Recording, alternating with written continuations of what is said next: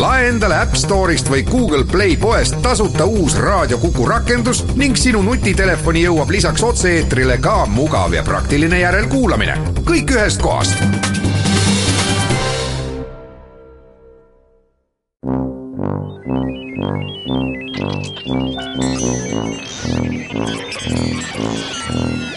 vanamehed kolmandalt. Vanamehed aitab kolmandale Eesti Koostöökogu. tere päevast! viimastel nädalatel on olnud avalikkuse tugeva tähelepanu all õigusemõistmine Eestis ja laiemalt ka prokuratuuri töö, advokaatide töö ja sellepärast mõtlesin, et ehk pakub kuulajale huvi, kui arutleme pisut õigusteadlase, juristi rolli üle ühiskonnas, erinevate õiguselukutsete ja nende elukutsete pidajate valikute üle. Seda teemat olen käsitlema palunud kaks inimest, kes asja suurepäraselt tunnevad. Märt Rask, endine justiitsminister, Riigikohtu esimees, parlamendiliige, põhiseaduse koostamise, Eesti õiguskorra ülesehitamise juures olnud ja praegu pärast Riigikohtu esimehe ametist lahkumist vandeadvokaat ja partner omanimelises advokaadibüroos, tere Märt! tere! Ja saate teine külaline on Tartu Ülikooli õigusteaduskonna vilistlastele ja üliõpilastele imehästi tuntud ja loodan, et kõikide poolt samavõrd armastatud ja hinnatud kui minu poolt, professor Raul Narits, kes praegusel hetkel peab võrdleva õigusteaduse professori ametit, tere Raul! tere! ja saatejuhi rollis Ülle Madise, Rauli kolleeg õigusteaduskonnast, riigiõiguse professori kohal. Raul, ma mäletan, et kui ülikooli tulin ja see oli päris ammu, siis sa õpetasid meile kohe esimesel kursusel kahte asja, et no pidime ladina keeles õppima kirjutama, et õigus on headuse ja õigluse kunst ja siis seda sinule ka eksamil lahti rääkima, kuidas me sellest asjast aru saame, südame põksudes ja siis kaheksateist, üheksateist aastase inimese tarkust pilgeni täis. ja teiseks, mulle tundub, et sa ükskord rääkisid meile ka loengul lookese sellest, kuidas mõnigi väärikas linnakodanik omal ajal juristi kõrvale hauaplatsi sugugi mitte ei tahtnud. ega see vist tänaselgi päeval palju muutunud ei, ei ole, see on vana lugu, mille sa meelde tuletasid ja olevat juhtunud juba antiikmaailmas, kus tõepoolest nii mõnedki jõukad linnakodanikud äh, lasid oma haua, hauakivile millegipärast äh, kirjutada, et vaat jurist ei tohi kõrval olla. Millegipärast arvan mina, et just jõukal linnakodanikul läks juristi abi mm, võib-olla vahel kibedasti vaja, aga just nimelt vaja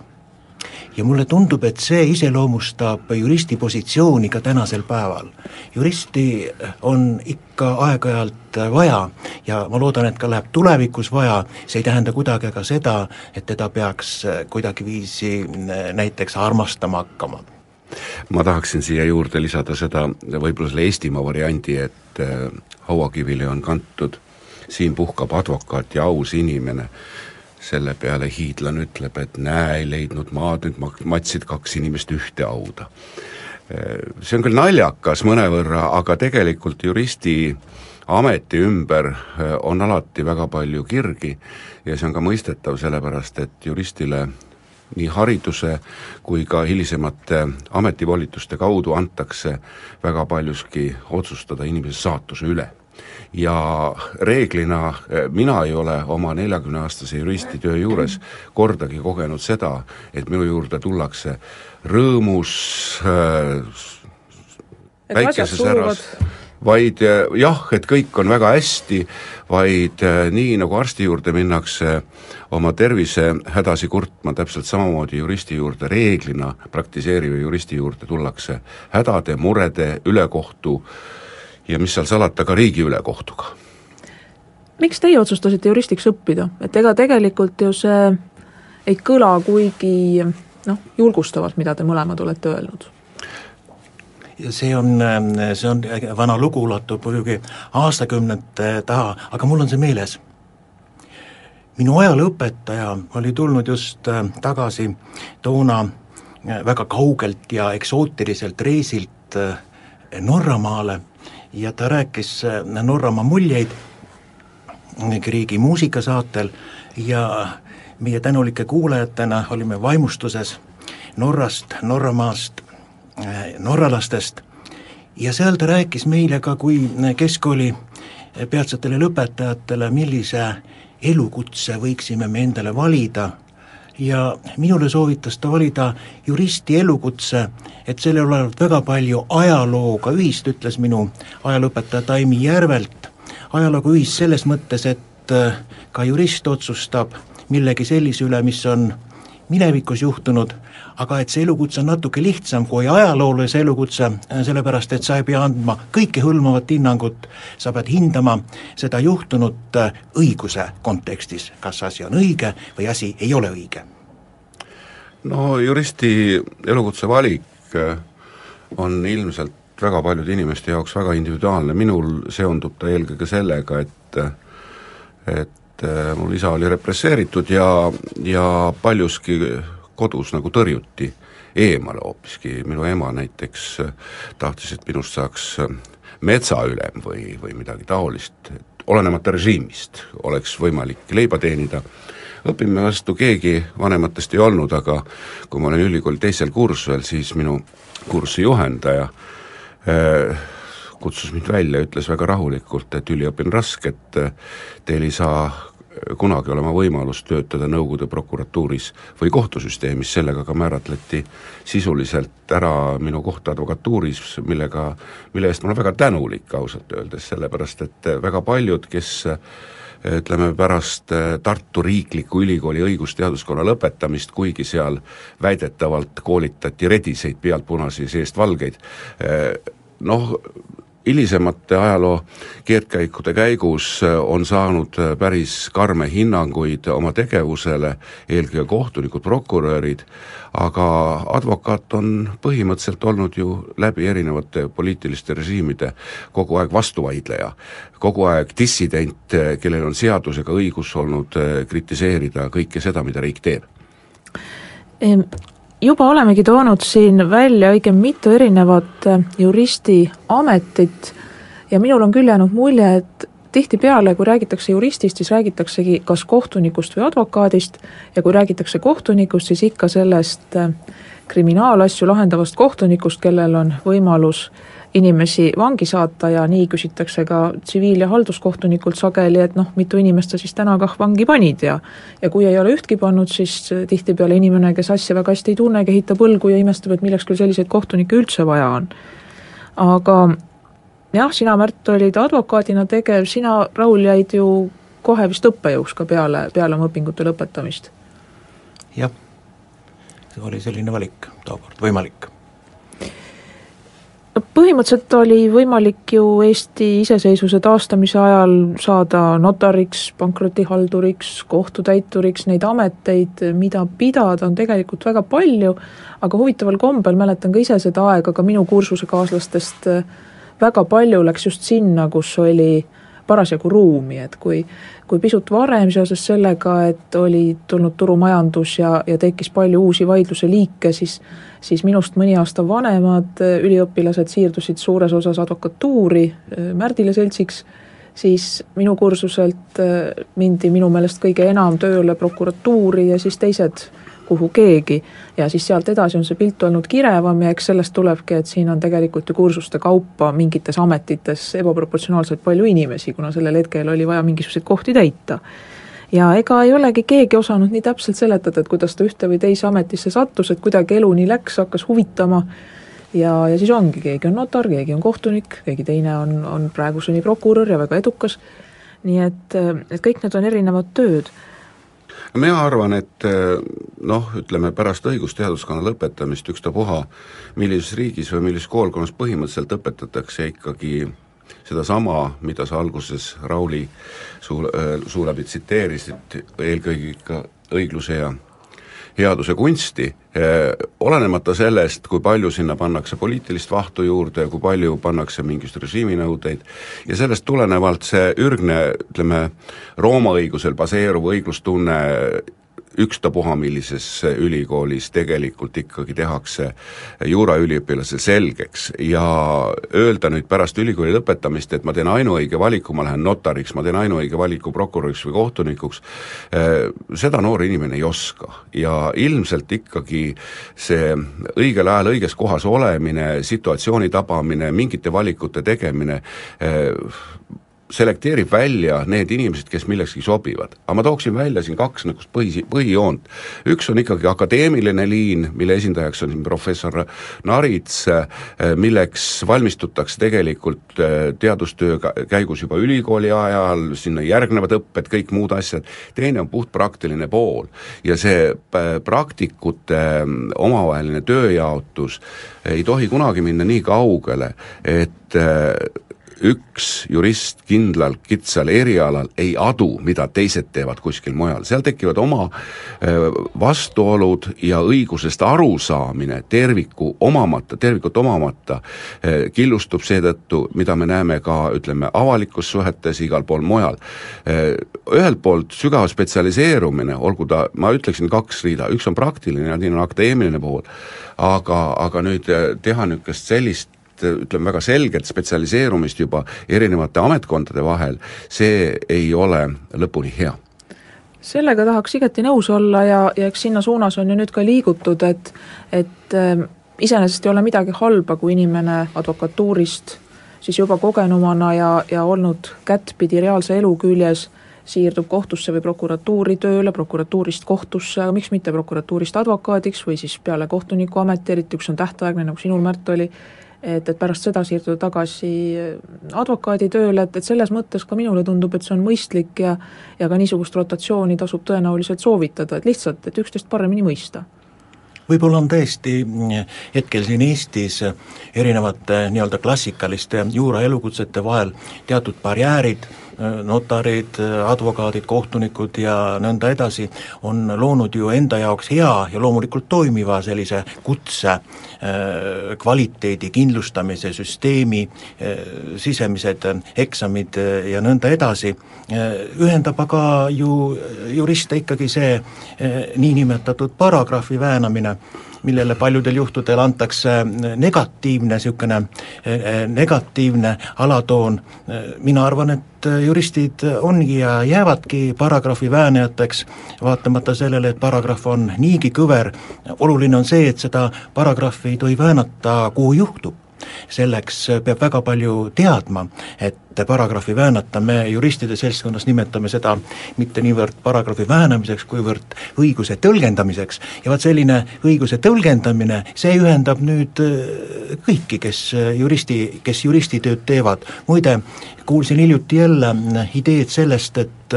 et meil siin Eestis, väikeses Eestis võiksid õigusteaduskondade lõpetajad lõpetada selle niinimetatud ühtse riigieksamiga, mis võimaldaks neil liikudagi eh, vabamalt erinevate juuraelukutsete vahel.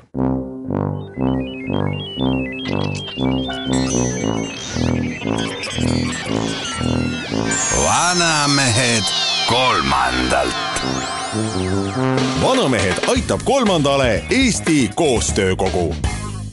jätkame saadet, räägime täna juristi elukutsest, juristi eetikast ja saates oleme nagu ikka kolmekesi Märt Rosk, Raul Narits, Ülle Madise. Ja enne reklaamipausi jäime ühe kõige huvitavama teema juurde, ehk siis selle juurde, et kuidas ikka saab olla niimoodi, et mitu juristi, näiteks advokaat ja kohtunik, võib-olla ka prokurör, võib-olla veel keegi, saavad ühest ja sellest samast normist täiesti erinevalt aru, et nad suudavad pikalt-pikalt vaielda, kas mingi tegu, millele peab järgnema riigi sunniga mingisugune tagajärg, näiteks vangistus et kas see tegu ikka toimus, kas see oli see tegu, kas just see inimene pani toime ja kas see paragrahv on ikka õige ja kui, siis mis on paras karistus. et üks tavaline aus inimene küsib, et noh, kuidas see on võimalik, mis paragrahvi väänamine ja normi närimine siin toimub, et ei suudeta aru saada, et näiteks pronksiööl linn oli puru, Tallinn, keegi pidi ju süüdi olema, ega aknad,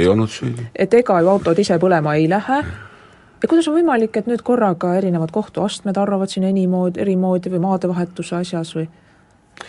mina lähtuksin sellest arusaamisest, et ähm, seadus on universaalne, seadus on alati mingi üldistatusastmega, aga iga konkreetne õiguskaasus on väga individuaalne. Ja selle universaalsuse ja individuaalsuse vaheleidmine ongi praktiseerivate juristide kohustus kvalifitseerida faktilised asjaolud vastavalt sellele õigusnormile, leida see õigussuhe üles. Et asi väga keeruliseks kätte ei lähe, si-, läheks, siis ma ütleksin sedasi, et ega tegelikult kõige suurema üldistusastmega õigusakt on minu arust ikkagi endiselt kümme käsku. Ja kui kõik asjad oleks taandatavad sellele, eh, meie kristlikus äh, Äh, ütleme, õigusfilosoofias, siis võiks ju nende alusel ehk puhtalt printsiipide alusel ka õigust mõista. aga kuna meil on riik üles ehitatud selliselt, et erasektoris põhimõtteliselt äh, saab ju teha kõike seda, mis ei ole keelatud ja avalik sektor saab teha ainult seda, mis on lubatud, siis tekivad sealt käärid selle vahel, millal me kvalifitseerime ühe ametniku käitumise, kes tegutseb riigi nimel, riigi omavolina, tekivad vaidlused, kõik muud asjad ja rõhutan ikkagi, et, et see iga õigussuhte individuaalsus tuleb lõpuni välja tuua paljudes menetlusstaadiumites, me jõuame siit edasi väga paljude muude asjadeni, kuidas avalikkus seda kajastatakse, kõik muud asjad, aga seda saab hinnata üksnes kohus. jah, vot mandri-euroopalik õiguskultuur, see baseerub ühel päris lihtsal, aga väga tähtsal, väga tähtsal asjal. õigus, normid, see on üldistus.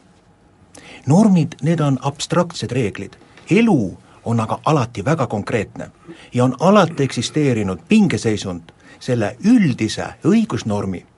ja väga konkreetse tegelikkuse vahel. aga sa too mõni näide. kus üldine, kus üldine norm kus üldine, kus üldine norm, normid kirjeldavad kõiki üldisi situatsioone, nad ei räägi Jukust ega Juhanist, kui nad räägivad ka näiteks sellisest väga kehvast asjast nagu tahtlikust tapmisest, siis nad ei räägi ei sellest kohast, ei nendest inimestest, kes seal kokku ega saavad. asjaoludest, et kas näiteks need... oli eelnenud pikem peretüli, võib-olla pikem perevägivald ja siis see naine haaras noa ja suskas just, ära ja tagajärg oli letaalne. just nimelt, ja seda pingeseisundit ei olegi võimalik normikultuuri maailmas, meie Mandri-Euroopa õiguskultuuris äh, lõpuni, äh, lõpuni maha võtta, kultuur jääb kultuuriks, aga õiguse rakendaja peab selles olukorras oskama, nagu me juriidilises keeles ütleme, subsumeerida. Mõttes paigutada tegelikkuses juhtunu õigusnormi abstraktse koosseisu alla ja vaat seal mõelda, milline peaks olema see õiguslik tagajärg. aga ma ühe asja lisaksin veel algab ju kõik peale sellest, et on vaja teada saada, mis tegelikult juhtus. tõde on vaja teada saada. tõde on vaja teada saada. tõde on see, mille alusel me saame rajada õigusele, ühesõnaga jah, rajada õigusele vastava otsustuse, mulle meenub ühe minu väga hea õpetaja, muide advokaadi, omaaegse väga tuntud advokaadi Lembit Lille üks jutt, tõesti sündinud lugu Võru kohtumajas, kus äh, kohtupidamise äh, käigus äh,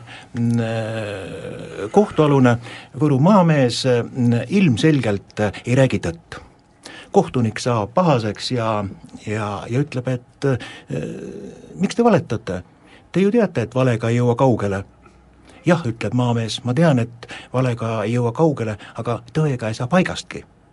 vaat see olukord ei ole normaalne just nimelt tõega peab paigast saama ja jurist peab tõe teada saama ja vaat siis saame edasi liikuda ka õigusele vastava lahenduse poole.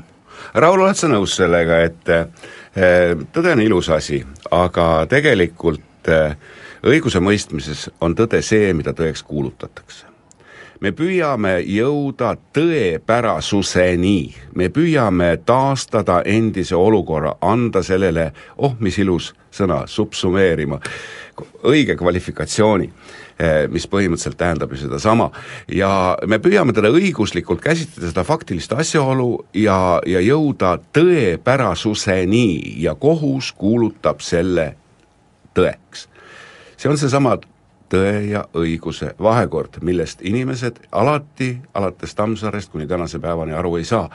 ehk teissõnu, sajaprotsendiliselt ei ole võimalik ühtegi situatsiooni taastada ja, ja noh, see on seesama, et kaks korda ühte jõkke astuda ei anna. Eh, mis puudutab nüüd seda head näidet, et tõega ei jõua paigastki, siis mina võin oma eh, noore põlve advokaadi praktikast tuua enam-vähem samasuguse näite, riigi õigusabi korras tol ajal määratud kaitsjana mind määrati vanale retsidivistile kaitsjaks, kes oli seal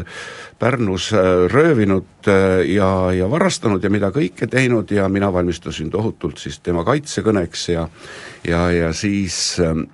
kohtunik küsib, et kas teil kaitsjat on tarvis see ütleb vene keeles las istub.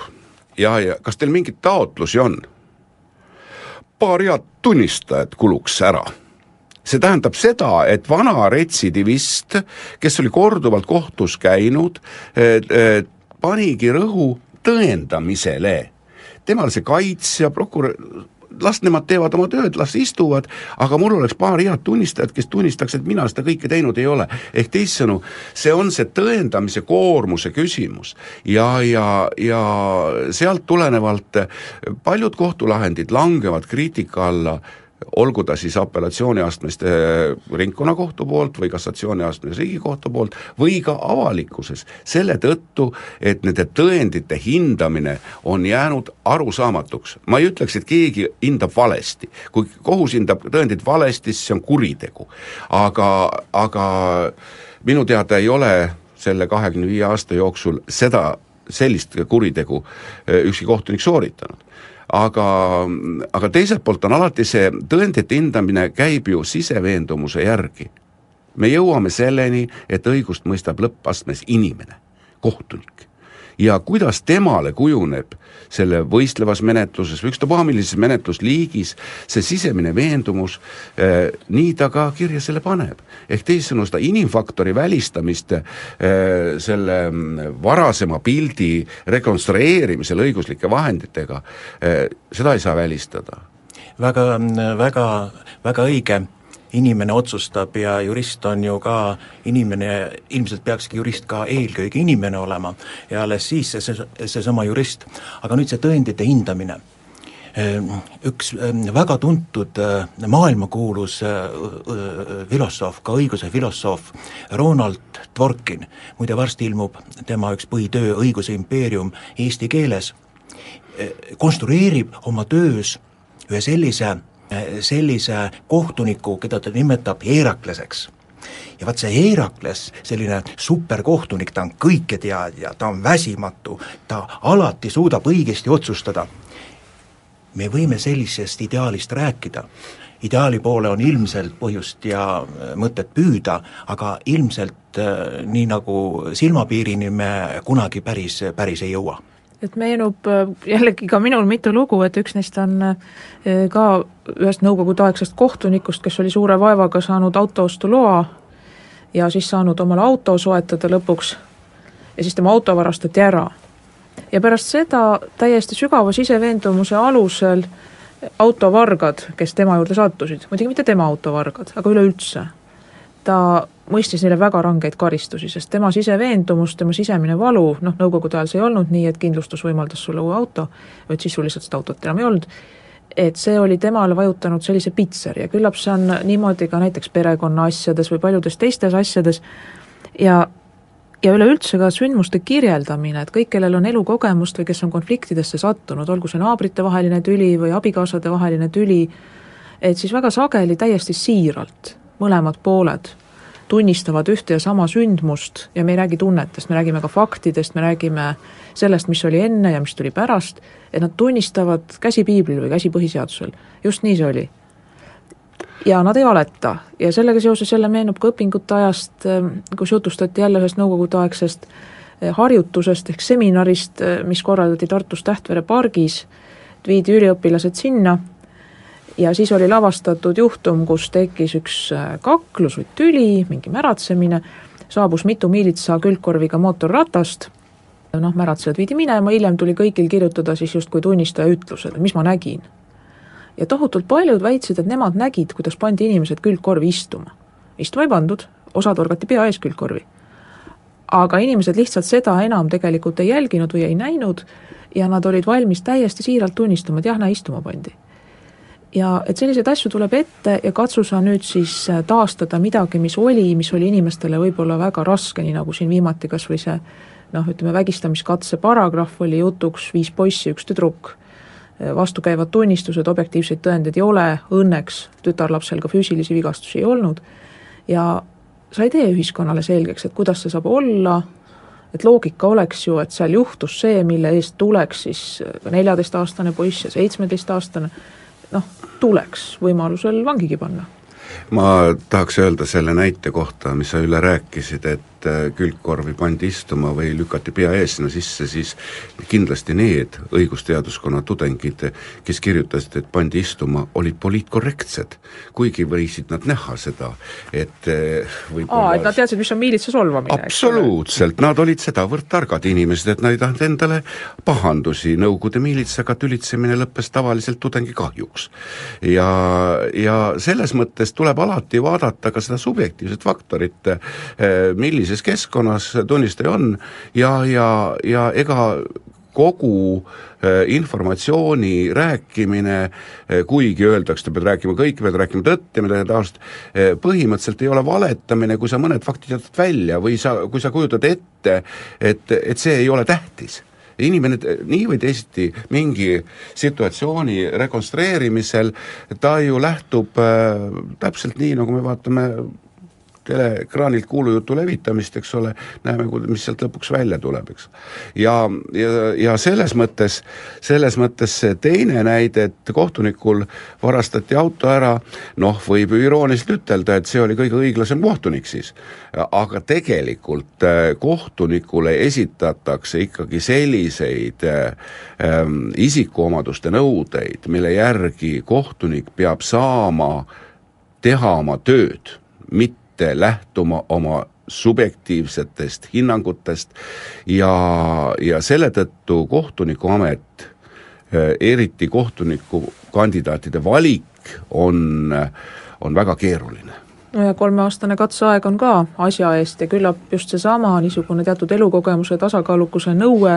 vast õigustab ka seda valikut, mis Eesti on teinud, et ega päris otse koolipingist kohtunikuks ei saa ja ja mulle saada. isiklikult tundub, et olekski mõistlik, et kohtunikuks saad ikka siis, kui sul on vähemalt kümme aastat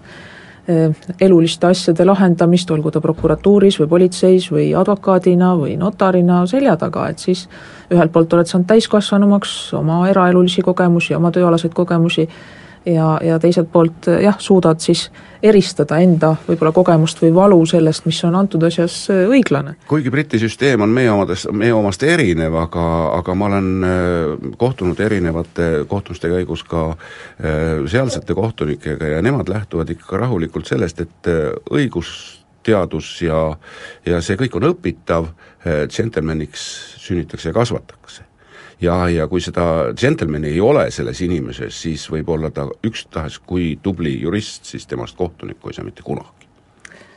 Hästi, siit nüüd pisut edasi minnes kohtumenetluse avalikkuse juurde, jällegi, et see pole ainuke juristikutse, aga see on ilmselt see, mis avalikkuses pälvib enim tähelepanu, eriti kui mõni kohtuotsus tundub avalikkusele ja sageli kahjuks eh, teadmata tegelikke fakte, toimikut, asjaolusid, ebaõiglane. Eh,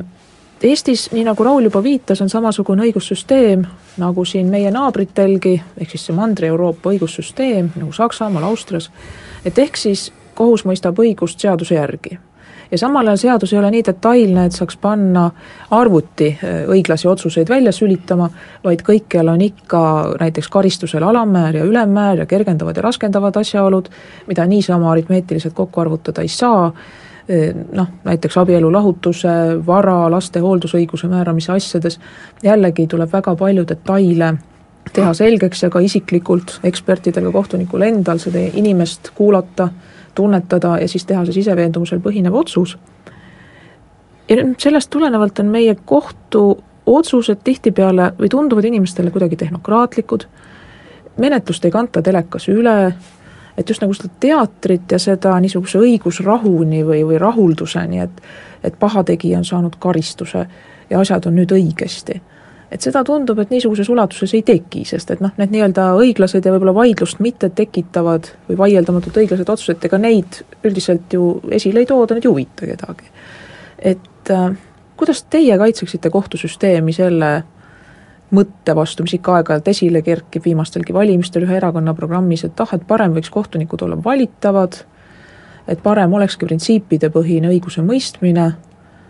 ja, ja võib-olla ka seda, et siis kandagi niisuguseid suuremaid asju telekas üle, et nii nagu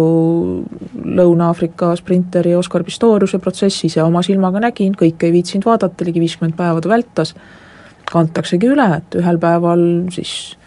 Brasiilias eraldi, Brasiilias on täiesti eraldi telekanal. just, ja siis vaatadki, et üks tunnistaja nutab, et, et kuidas te võite arvata, et minu vend on midagi sellist teinud, teine nutab, ütleb, et just seda ta tegi ja kui kohus ei mõista ikkagi eluks ajaks süüdi, et siis minu usk sellesse riiki kaob, et niisugune tohutu etendus ma arvan, et võib-olla, eh, võib-olla päris kindlasti kohe eh, nii mõnedki noored langetavad eh, oma valiku juurateaduskondade kasuks just sellepärast, et nad on näinud vot üldise õigussüsteemiga maades Ameerika kohtufilme. ja just nimelt, Ameerika kohtupidamist, mis on, mis on ju atraktiivne, mis on emotsionaalne ja, ja, ja kus, nagu öeldakse, sõnadega tehakse asju ja, ja mis on lööb ja, ja mis jääb ka, mis jääb ka meelde vaat ähm, võib-olla äh, sellist äh, kohtupidamist siia meie õiguskultuuri just päriselt vaja ei ole, aga midagi oleks võib-olla common law'st võib-olla meil õppida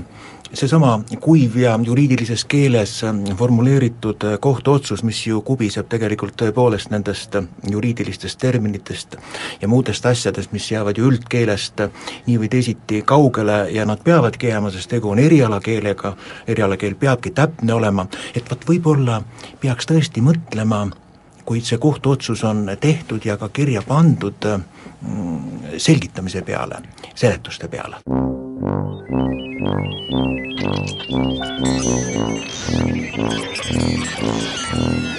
vanamehed kolmandalt. vanamehed aitab kolmandale Eesti Koostöökogu. räägime täna kohtust, õiglusest, juristi elukutsest, Märt Rask, Raul Narits, Ülle Madise ja sõna järgi Raulile. ja, ja, ja teine viitas, Ülle, viitasid siin printsiibikesksele lahendusele. arvan, et see on väga tõsine probleem. nimelt, kas see normide maailm, mida me nüüd siin ka loome ja, ja, ja mille alusel me otsustame, kas see normide maailm peab ajaproovile vastu? tegelikkus tormab äkki kiiremini eest ära, kui normide maailm, see nii-öelda korda kirjeldav maailm, õigusnormide maailm järele jõuab. ja võib-olla liigubki meie või peaks liikuma meie õiguskultuur ja ka meie õigusaktide näiteks seaduste tekstid rohkem normide, printsiipide poole, et, et printsiibikeskne lahendus, selline common law'lik niisugune õiguskultuuri selline mm, aluskivi, mm, see pretsedent, see ratio decidendis ja siduv osasaal ja nõnda edasi, et vaat siit oleks võib-olla sellest teisest õiguskultuurist meil õppida ma tahaksin öelda just äh, Rauli toetada selles osas, et ega tegelikult ju ühtegi õigusnormi ei saa luua ilma moraalse, eetilise pinnata. Äh, ei ole ühtegi, ütleme lihtsalt, põhiseadusega kooskõlas olevat normi, kui see ei toetu kindlale moraalsele tõekspidamisele. ja õigus ei saa muutuda mingisuguseks tehniliseks äh, äh, arusaamatuks äh, normide reaks, mille tagant need inimlikud väärtused kaovad ja, ja siin minu arvates tuleks nagu kõigepealt ühiskonnale endal mõista seda, et, et õiguse mõistmine ei ole mingisugune hasartmäng, vaid see on üks tõsisemaid tegevusi inimese saatuse otsustamisel. ja kui me vaatame teiste riikide telekanalitest või ükstapuha millist Ameerika filmidest õigusemõistmist, siis seal on seda teatraalset poolt on päris palju. okei okay,, mina arvan, et tegelikult see vajab kompenseerimist, ehk teissõnu, rõhutan sedasama, mida sinagi ütlesid, selgitamist ehk sinna kohtuotsuse, juriidilise teksti ja avalikkusele arusaadava sõnastuse vahele on tarvis tõlki. ehk teissõnu, täiesti selget äh, avalikkuse teavitamise äh, sellist äh, meeskonda või, või selgitavat äh, pressiesindajate seltskonda, kes äh, räägiks lahti, milles on see kohtu otsustus. sellepärast, et äh, kunagi sai tehtud statistikat, ma võin ütelda, et Eesti avalikus äh, meedias kirjutatakse läbi, vaieldakse üks promill kohtulahendeid see on nii väikene osakene, mille põhjal tehakse järeldus kogu õigussüsteemi toimimisele. ja selle ühe promilli eh, lahti rääkimine, seletamine, mis on avalikkuse ette tõusnud juba alates näiteks kriminaalasjades eeluurimise staadiumist või mingite haldusvaidlustes või ka tsiviilvaidlustes või ükstapuha millistes valdkonnades, see ei peaks olema kohtusüsteemile üle jõu käiv aga seda tuleb, ütleme, seljaaju tasandil tunnetada, millal, kus mo-, mismoodi see läheb. ei saa öö, eirata avalikkuse huvi ühegi asja vastu, sellepärast et mina olen enda jaoks mõelnud selle süsteemi selliselt, et tegelikult ajakirjandus ei ole mingi neljas võim. ma ei oska seda põhiseaduse konteksti paigutada. küll aga ma arvan, et rahvas kui kõrgema riigivõimu kandja vajab selgitust just nimelt ajakirjanduse roll on meetodi roll, kuidas tõlkida eh, ühe või teise või kolmanda võimuharu tegevust riigivõimu kõrgemale kandjale noh, siin võib neid teooriaid igasuguseid veel arendada, aga selles seisneb selle ajakirjanduse hariv, selgitav roll ja ajakirjandusel peab olema juurdepääs õigusemõistmise kõigile nendele valdkondadele, mis avalikkusele huvi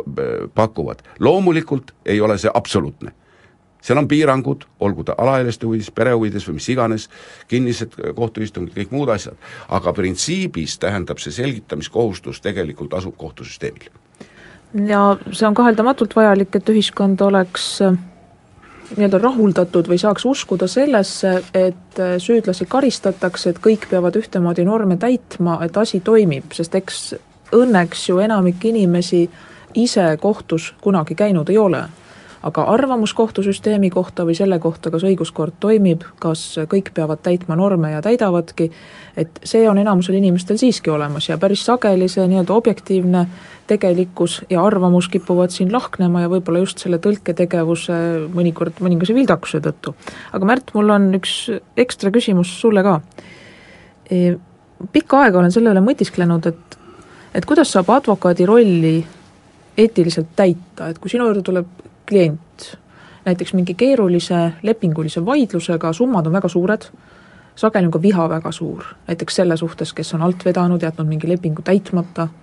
ja nüüd see inimene tuleb, ta tahab sulle maksta selle töö eest, ja siis esimene küsimus on, et kas sa oled valmis talle ütlema, et tegelikult sõbrad, te olete teinud nii kehva lepingu, et äh, sinu võiduvõimalus on võrdlemisi väike. ja teiseks, et kui oled kohtus kaotanud, su klient on kaotanud, mis sa siis ütled, et kohtunik oli rumal, korrumpeerunud? Või suudad sa talle ära tõlkida selle lahendi? ma arvan, et äh, advokaadi töö on tegelikult noateral kõndimine kogu aeg. Ja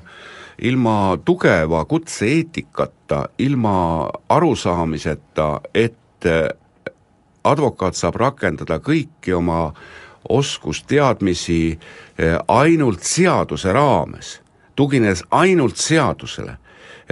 kui seda ei ole ühele noorele advokaadile selgeks tehtud, siis ei maksa arvata, et see advokaat võib ise libastuda mingis situatsioonis. ehk teissõnu, protsessuaalse positsiooni valikul nimetame seda siis niimoodi, selle, ütleme selle situatsiooni analüüsi tulemusena, eh, tuleb väga selgelt välja öelda kliendile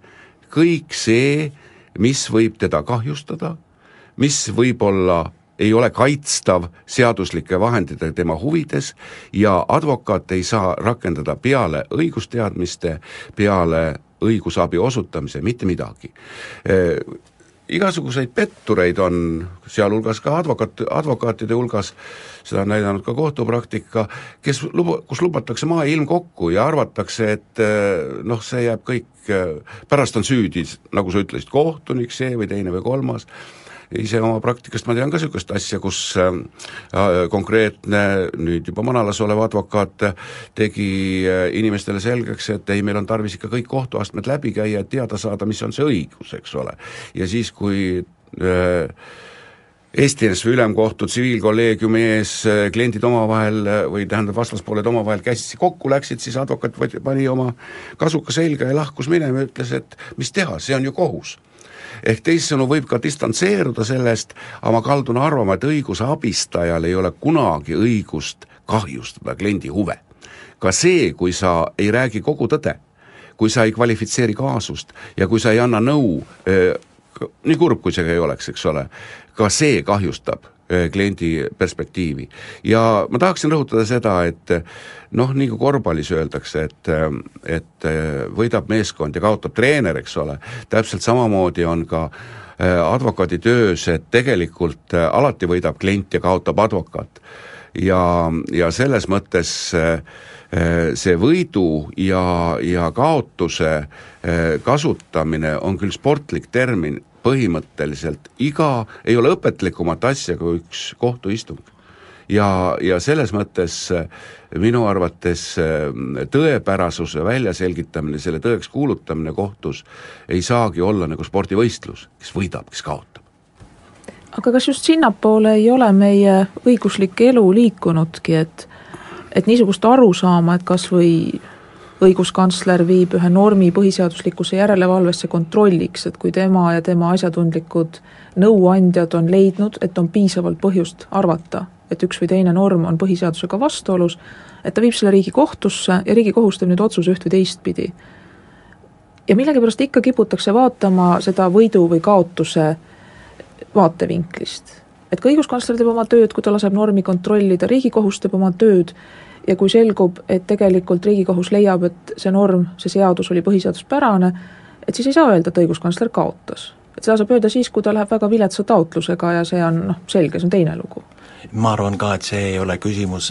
õiguskantsleri võidus või kaotuses või Riigikohtu võidus või kaotuses või kui president äh, läheb riigi, Riigikohtusse ja Riigikohus arvab, et presidendil ei olnud õigus ja nõnda, et nüüd president kaotas või keegi seal võitis, see ei ole võidu ega kaotuse küsimus, see on õigusriikluse äh, funktsioneerimise, toimimise normaalne, normaalne seis me oleme need, ähm, need õigusriiklikud mehhanismid ähm, muide ka seadustes kirja pannud, õigusnormides, ja, ja nad, ja nad toimivad, see ei ole võidu ega kaotuse küsimus aga ometi näeme me näiteks prokuratuuri ja kohtu mingisugust mainevõitlust. mina arvan, et äh, tegelikult on äh, see jälle üks termin, mis ei kuulu äh, õiguse valdkonda, aga mida kasutatakse laiatarbekaubana, võitis-kaotas. tegelikult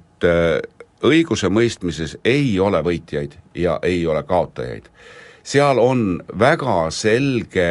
eh, kas vaidluse lahendamine, ütleme, tsiviilõiguslike poolte vahel, on seal riigi või haldusorgani ja kodaniku vaheline vaidlus ja sealt selgub, kuidas seda seadust siis tegelikult tuleb kohaldada. Ja, ja noh, see näide, mis sa tõid äh, oma tulevasest elukutsest, äh,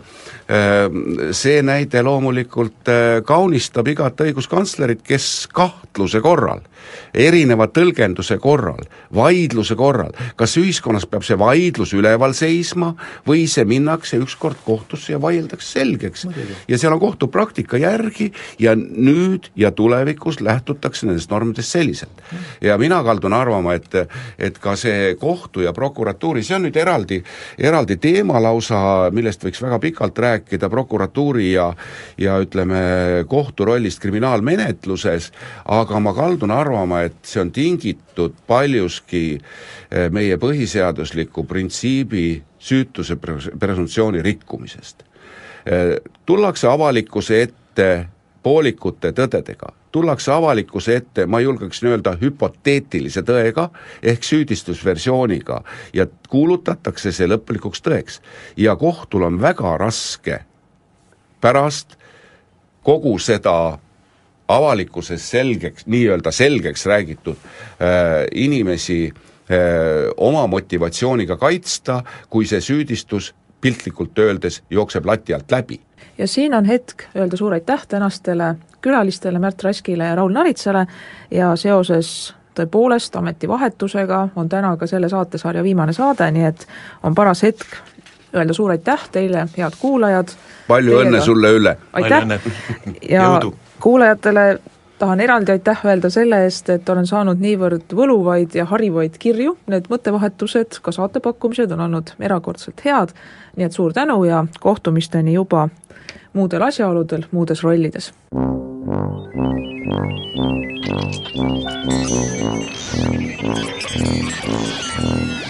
Vanamehed kolmandalt. vanamehed aitab kolmandale Eesti Koostöökogu